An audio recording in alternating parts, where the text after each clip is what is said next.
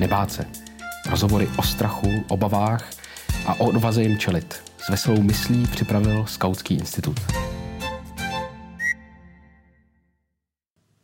Kdy se nevzdávat a kdy je naopak potřeba mít odvahu se vzdát? V Nebáce je dnes Klára Kolouchová, horoleskyně, která má na svém kontě čtyři osmitisícovky. Má taky ale rodinu a dvě děti.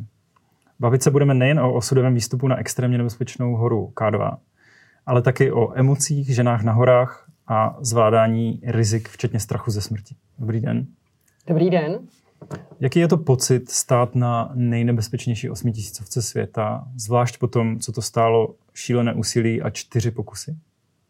Ty brďo, čím dál tím lepší. Uh, ne, tak uh, s odstupem času je to, se z toho stává jako, jako jedna krásná vzpomínka na za mě asi jednu jako z nejhezčích životních kapitol, která trvala pět let a spoustu věcí mě naučila, spoustu věcí mi vzala, i dala a vlastně jako je to, je to vlastně jako, jako pátý dítě uh, v uvozovkách, když, když tomu kecám.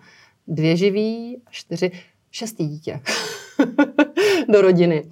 Takže jako já k těm horám mám takový jako mateřský vztah. Tak uh, vlastně je to taková ta nejčerstvější ještě a vlastně poslední jako dosažený, zdolaný můj vrchol. A dá se to nějak jako předat, když člověk skutečně už stojí nahoře a má prostě 10-15 minut, pak musí zase dolů, nebo to musí člověk jedině zažít, nedá se to vůbec říct? Já myslím, že tohle je bohužel strašně těžko zprostředkovatelný Uh, blbě se to vysvětluje komukoliv, kdo na podobným nebo na, na osmitisícovce nestál. A občas ty emoce trošku jako stříkají eh, z pořízených fotek, eh, pořízených videozáznamů, když se to povede, když to všechno sedne.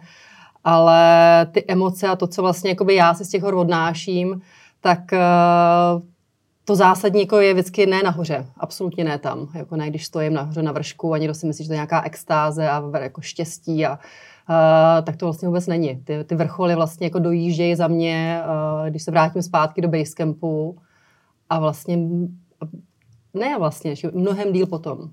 Jo, že to jsou věci, které pak musí jako dozrát, doznít a které tak jako vlastně musí jako zpětně dojít, že se to celé událo. Takže to člověku trošku dochází postupně. Rozhodně. Já vždycky, když se vrátím z expedice, tak, uh, tak jsem tak jako dva až tři týdny na takovém jako obláčku, pluju někde v takovém nějakém meziprostoru a doma už se mě tak jako občas už, no, už trošku naštvaně ptá, jako jestli už jsem teda konečně jako slezla zpátky, jestli už bych se mohla teda probrat, že už teda jako jsem zase doma a ten život má zase trošku jinou trajektorii než, jako, než posledních několik týdnů a měsíců. Pokud jsem to správně pochopil, tu statistiku, tak každý pátý horolezec se z vrcholu K2 nevrátí, což je extrémně přísná statistika. To, co jste podnikla, je tedy jedna z nejnebezpečnějších věcí, které se na této planetě dají asi podniknout. Je to v podstatě ruská ruleta. Co, co znamená, dramatizujete. co znamená odvaha? Každý pátý je, je, je, je vel, velmi jako, je to těžké číslo na pochopení. Uh-huh. Co znamená odvaha a strach v životě krá... Co znamená odvaha a strach v životě Kláry Kolouchové, když přemýšlíme nad takovouhle statistikou? Uh, já bych asi kontextu hor nepoužila slovo odvaha, nebo v mém hmm. případě, a, ale vlastně, když pokud to chceme tak nazývat, tak odvaha a strach jako za mě jdou vždycky ruku v ruce. A je, ne, není jedno bez druhého. A vlastně pokud teda, když teda uteču od té odvahy, já si nemyslím, že jsem nějak odvážná, protože vyrážím líst na kopec. A pro mě je to spíš nějak kombinace nějakého úsilí, tahu na, bráhu, tahu, tahu na bránu, schopnosti se trošku trápit, eh, trošku jako zkoumat sám sebe, eh, malinko útěk od reality, jakoby těch aspektů tam je za mě hrozně moc. A ten strach je jako strašně důležitá ingredience tady k tomu všemu. Protože to je taková moje pojistka. Já myslím, že strach je úžasná věc v tom, že uh, strach nám vlastně jako by nás tak jako udržuje při životě.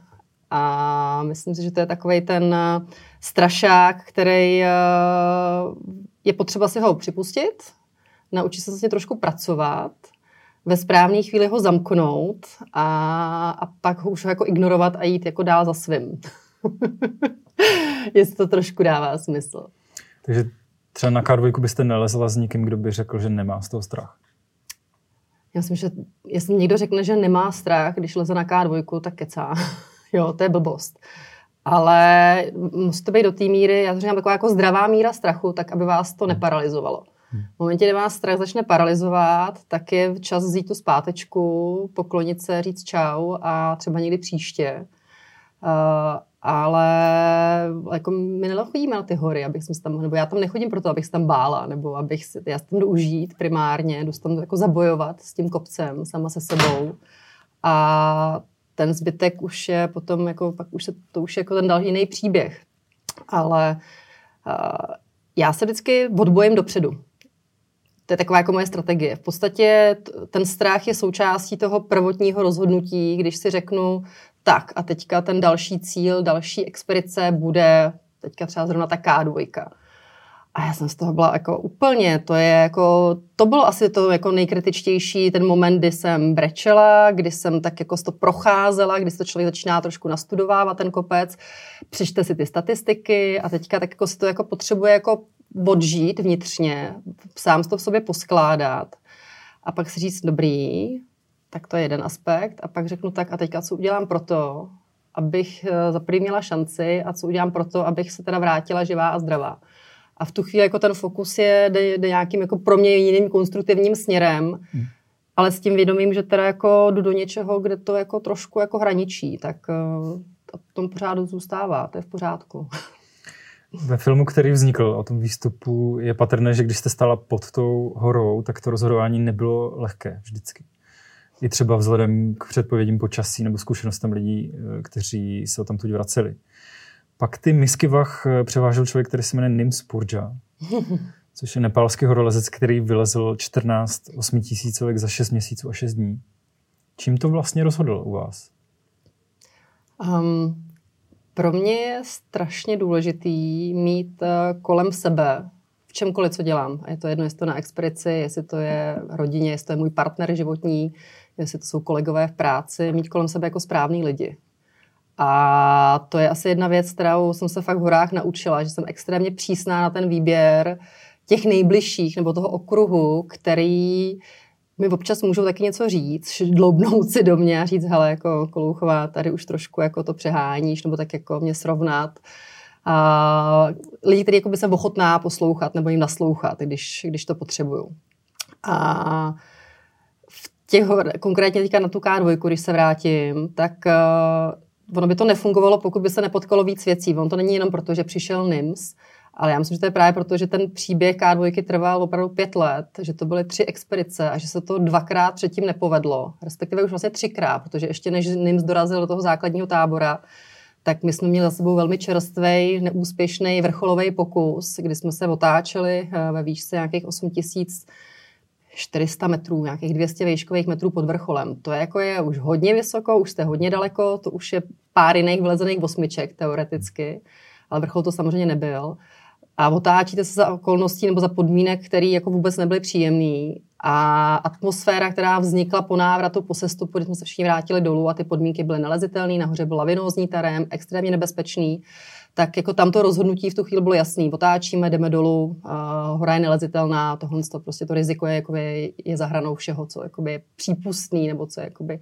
únosný a jdeme dolů. A teď se vrátíte dolů a jste v tom základním táboře a tam je depka absolutní. A teďka, jako, a teďka se to tam začíná mlít a lidi do toho hážou vidle a balej a odjížděj a expedice odjížděj fyzicky a tak jako pozorujete tam, co se tam děje a teď vás to tak jako objímá ze všech stran a je strašně těžký tomu nepodlehnout. A v momentě, kdy máte kolem sebe samý jako mrmlání, lidi jakoby různých důvodů, jako samozřejmě a unavený, vyčerpaný, mentálně i fyzicky, protože jste téměř dva měsíce pod kopcem nebo na expedici a po takovýhle vrcholovém pokusu opravdu jako ty fyzické síly jako extrémně ubývají, tak eh, to není jako jednoduchý prostředí na to si říct, to je, to je super, tak ještě počkáme, ne, tak to ještě dáme jednou, vyrazíme znova. A najednou tam přijde ten element, ten NIMS a tam prostě přišla absolutní vlna jako tsunami pozitivismu, energie, euforie, nadšení, kdy prostě přijelo turbo nastartovaný, který prostě říká, tak a my jsme tady, teď jsme vylezli na Nanga Parbat, mám za sebou Gashenbrun 1, Gashenbrun 2 a teďka lezeme na K2, pojďte. A teďka jako samozřejmě jako ta, ta první reakce na ně koukáte, si říkáte, to je Marťan. A potom k tomu přidáte to rácio, říkáte, ale on tam nebyl, on neví, jak to tam nahoře vypadá. A teďka do toho začnou promlouvat jako velmi zkušený matadoři, horolezci, který prostě řeknou, hele, to je šílenství, do toho prostě nejdeme. A teď tam zaznívají hlášky, jako že to je 50 na 50 že 50%, jako, že to třeba možná dáme, ale 50%, že se už nikdy nevrátíme. A teďka takhle se vám to tam točí. A to je jednoduchý, ta spirála vás takhle stahuje, stahuje dolů a buď to s tomu podáte, tak jdete pryč. A ten NIMS dovedl vlastně v podstatě jako v neuvěřitelném okamžiku, kdy já jsem v podstatě už jako byla rozhodnutá, že, že to balím. A že tohle to všechno nedává smysl, že prostě kárvojka ani na potřetí nebude. A v ten moment ten chlap vám řekne, neposlouchej v ostatní, který říkají, že něco nejde. Nikdy. Jo. To byl takový ten moment, který mě absolutně tak jako probral a dal mi naději. Jo, protože já myslím, že kdybych to dvakrát uh, nemusela otáčet, uh, kdyby se to tolikrát předtím nepovedlo, tak, uh, tak už jsem dávno jako na půl cestě jako zpátky do, prvního, do první vesnice a moje jediná myšlenka je jedu domů. A tady najednou vlastně jako jsem si říkala, ty brďo, jako po tomhle s tom všem a najednou je tady záblesk toho světla. A já jsem si uvědomila, že jako to je ta šance a jestli já o to přijdu, tak já už to nikdy v životě neodpustím. A v tu chvíli jako absolutní úleva a takový to vypnutí, já jsem říkala, že jsem vypla mozek za mě v nějaký fázi, a nastartovala jsem se na to, že prostě jdeme. Mám, je tady šance, je tady příležitost, je tady fantastický tým a my jdeme prostě ještě jednou jako zkusit nemožný. A jdeme nahoru na K2. A šli jsme. Tak naštěstí se to povedlo.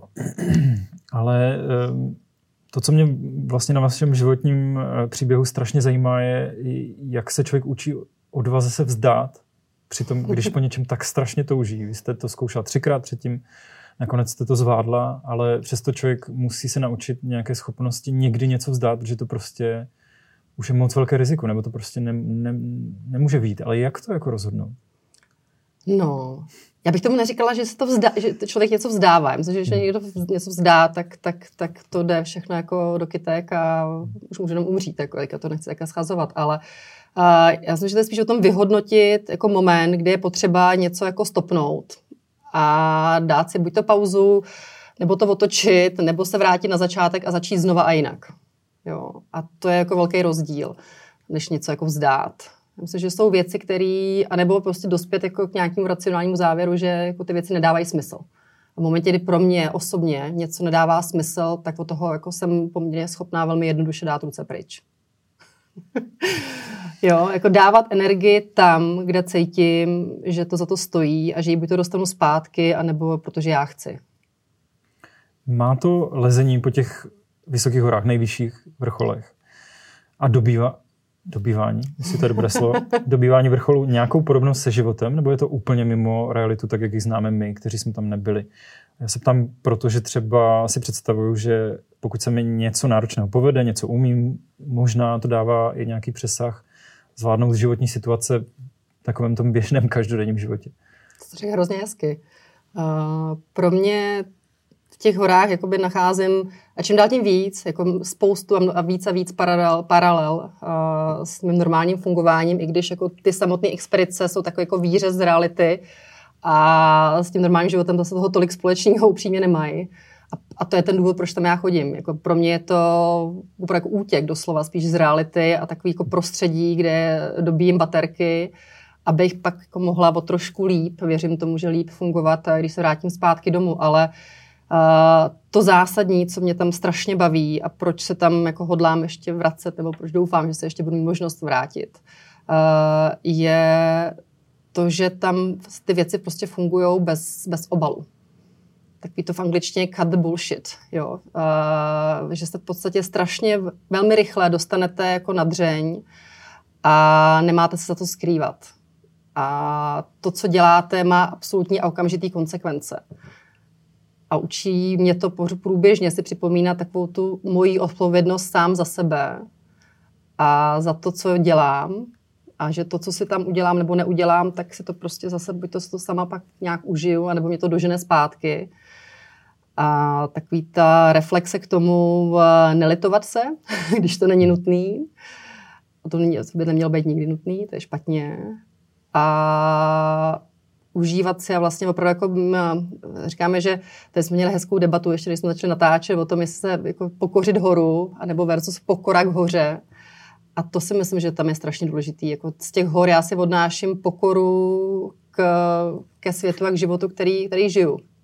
A vždycky mě to tak jako chvilku porovná, když se vrátím, opravdu, že si užívám to, kde a jak žijeme a jak dobře se máme, když eh, v kontextu dnešní doby a toho všeho, co se děje, tak samozřejmě pořád nám se jako, nám je nastadováno zrcadlo a já si myslím, že to je všechno jenom jako výsledek toho, jak eh, jsme začínáme být neživota schopný a neschopný poprat se s jakýmkoliv nekomfortem v životě. A jak vlastně jako jsme pohodlní a rozmazlený těma všema možnostma a tím všem, jako co máme a co můžeme. A že pak vlastně zapomínáme, nebo možná spousta lidí zapomíná, já občas taky, uh, si zase připomenout jakoby, tu moji trajektorii a ty moje volby a tu moji cestu a zůstat na ní. Je tady jedna věc, která mě hodně uh, zajímá a fascinuje. Vy jste ten výstup věnovala rodině. Já mám ale trošku podezření, že ten výstup tak trošku jí, může být jenom o vás. Že je to v podstatě trošku sobecký uh, prostor, sobecký čin, který člověk dělá jenom pro sebe. hodně sobecký, že jo? ale vy si ho zároveň dokážete dopřát, protože někdy přece jenom člověk může udělat něco jenom pro sebe. Je to tak, nebo se třeba pletu, i když má rodinu? Já věřím tomu, že musíme dělat něco primárně sami pro sebe, aby jsme pak mohli eh, čerpat z toho a dávat dál. Jo, to je, jak když letíme v letadle a tam mám, vždycky nám tom furt dokola říkají ty, ty safety a když spadne mám ta maska, tak si máte první nasadit sám sobě a teprve pak máte pomoc jako sousedovi nebo jako někomu blízkému. Uh, já si myslím, že je strašně důležitý jako děl, hlídat si to svoje já a to, co vás dělá šťastný. A to, co vám pomáhá potom fungovat a netroubit v autě, v koloně a nekřičet na děti, když to není nezbytně nutný. a tak jako e, udržovat jako celistvý, jako zdravý, spokojený život. Tak e, proto si myslím, že je potřeba jako být zdravě sobecký a dělat si svoje vlastní radosti, aby jsme pak mohli dělat, abych mohla pak já dělat radost těm, na kterými záleží. S tím souvisí i další otázka, a to jak teda vyrovnat potřeby rodiny, což ve vašem případě je velmi jako náročné životní téma. Včetně potřeby bezpečí a ty potřeby vlastní, dopřát si to štěstí a radost z toho, že něco dokážu. Mm, ty, ty, ty rozdíly třeba mezi právě rodiny, manžela, dětí a vaším právem si dělat, co chcete. No, a, tak zatím jsou ještě děti malí relativně, nebo teď je Cyrilovi bude 8 a mě bylo 14. Tak uh, přímě je to jako v postupem času, jak oni rostou a začínají být takový jako i diskuzní partneři uh, v tom mém životě, jako mají, mají mi víc co říct a měli diskutovat se mnou, tak je to těžší a těžší uh, ty odjezdy, když někam jako mizím. Ale já pořád věřím tomu, že to je jako menší zlo, to, že někam občas jedu a pak se zase vrátím a násobně to vrátím, než, eh, než kdybych eh, to nějakým způsobem sobě popřela. Teďka řekla, tak teda fajn, tak já teda končím. Jako a už teda hory ne, protože přece bych měla být zodpovědná a neměla podstupovat větší riziko než. A já si myslím, že to by byla jako, že to by byla mission impossible, jako, že by se to řítilo někam jako úplně špatným směrem, ta rodinná energie potom. Takže uh, jestli jako něco chce, aby si oni odnesli do života z toho našeho rodinného modelu a z toho fungování je, uh, že to, že pro mě je to, že když si pořídím rodinu a to, že mám děti, ještě neznamená, že se odsunu všechny jakoby svoje důležité uh, aspekty jako na vedlejší kolej. Myslím, že ta rodina je tam proto, aby se vzájemně chápala a podporovala a nebrzdila se v těch jako rozletech takže já zastávám takový to, nebo razím to heslo žij a nech žít. Hmm. A někdy je to těžší a někdy jako je to horší samozřejmě a rozhodně jako organizačně a v kontextu fungování normální rodiny, kterou žijeme v Praze a máme kroužky a různě jsme nemocní a podobně, tak prostě se to jako někdy skládá hůř. A je to o tom, jaký si jako v životě zvolíme priority a co si řeknu, že je pro mě důležitý a pak prostě jsou občas věci, které jako nestíhám, ani věci, které nejsou perfektní A pak jsou prostě věci, které občas nedělám. A jestli to znamená, že rok, když vím, že jdu na expedici, tak, tak já jsem absolutně nespolečenská, tak hold jako nebudu chodit do kina a nebudu chodit na večírky ani na večeře s kámošema, protože prostě na to není čas. A až zase nazraje ten čas, tak mu to přijde. Tak jo, to je to, co když mi někdo řekne, a jak to jako děláš, Ježíši Marie, jak můžeš pracovat a jak můžeš jako tohle a ještě k tomu si jako tam dáš ty hory a do toho se asi trošku připravuješ, že jo, a tak. Já říkám, no, ale vy můžete taky. a teďka já, a v momentě, kdy slyším to ale, tak bych střílela, jo, protože to, to ale je přesně ten moment, kdy už jste prohráli. Kdy už to jako, kdy už to, to, to, už, to už je pozdě prostě jako najít, jako by mít jako spousty výmluv, že něco jako nemůžu, nechci, nejde to, ale ono ještě a to počká a až jednou, tak už mám ujel vlák. V tom výstupu, který vznikl o, K2 vlastní cestou, jste vidět v tričku Girls can do anything. Holky zvládnou všechno.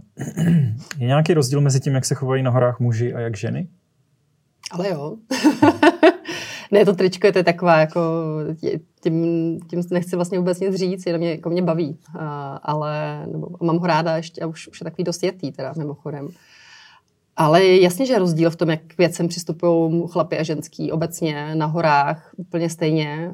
A je to dobře, jako tak to má být. Já věřím, že ten mužský a ženský svět se doplňuje a máme nezastupitelné uh, úlohy na tom, v tom světě, a což je jako strašně fajn na to nezapomínat.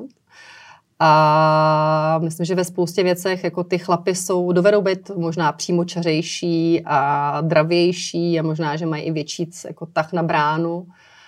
A, a ta ženská tak jako trošku omílá ty hrany a možná je malinko opatrnější v úsudku a dovede být relativně konzistentní, zase věřím tomu a dokáže ty věci se jako vybalancovat jiným směrem. A já jsem našla, nebo jsem si ten, v, těch, v tom světu těch hor, jsem si vlastně našla tu polohu, že mě jako to hrozně baví, jak tam to vlastně vůbec nevadí, to, že jsme jako rozdílní, i ty přístupy, i to fyzično. Jako kdybych jako byla atlet, tak, tak se v životě nemůžu postavit na startovní čáru se sprinterem, tak prostě mě jako uteče jako hodně. Ale na tom kopci už vlastně jako by ty fyzické rozdíly vlastně nehrajou jako téměř žádnou roli, si troufnu říct. A, a je to o té hlavě, a o tom, jak eh, potom se jako člověk vyrovnává jako s mezníma kritickými situacemi na tom kopci a tam je to vlastně potom už v zásadě jako relativně dost jedno. Tak to je úžasné. Já se ptám i proto, že na rozdíl od mužů jste často terčem velké kritiky. A někdy až nenávisti bych řekl. Jste četl nějaký se, fóra diskuzní pod článkama? Diskuzní, diskuze bohužel pod to se prej nemá dělat. filmem nebo pod některýma vašimi rozhovorama.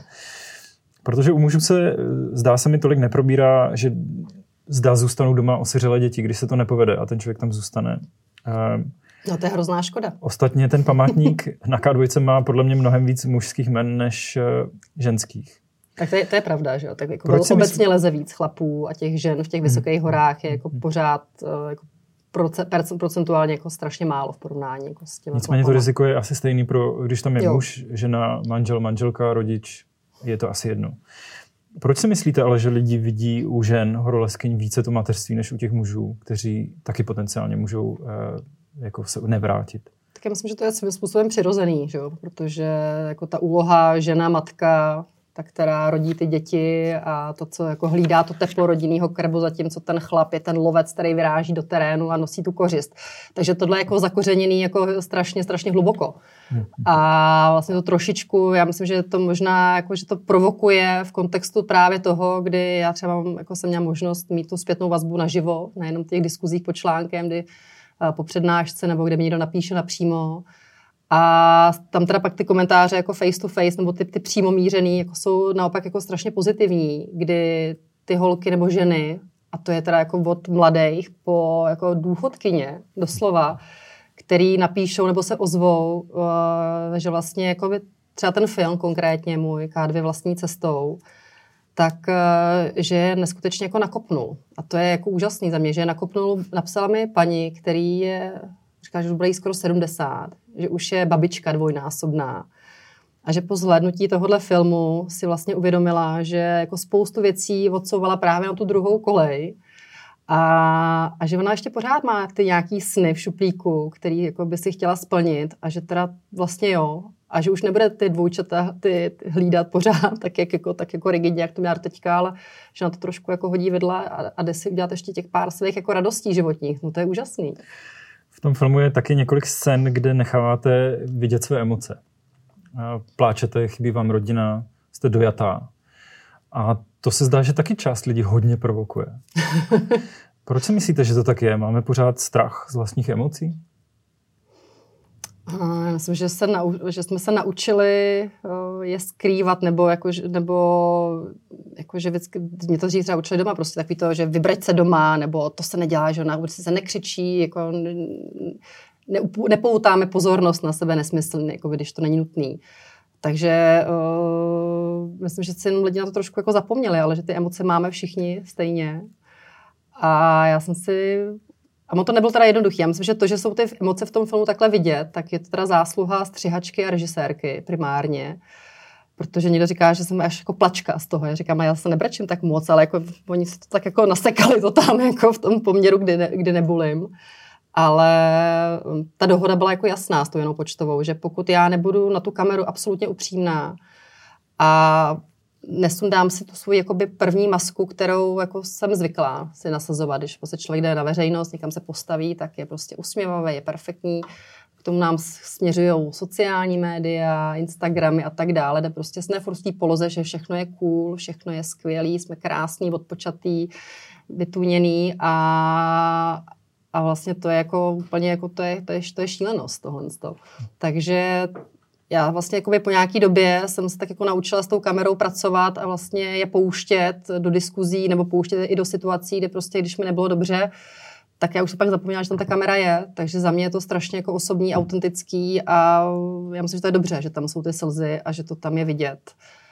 A že to není jen o těch, eh, test, to tam nestříká testosteron z očí a není to prostě, že se zasekává cepín do ledu a je to jenom o tom, jako o tom lezení a o té síle. Dobít a pokořit horu.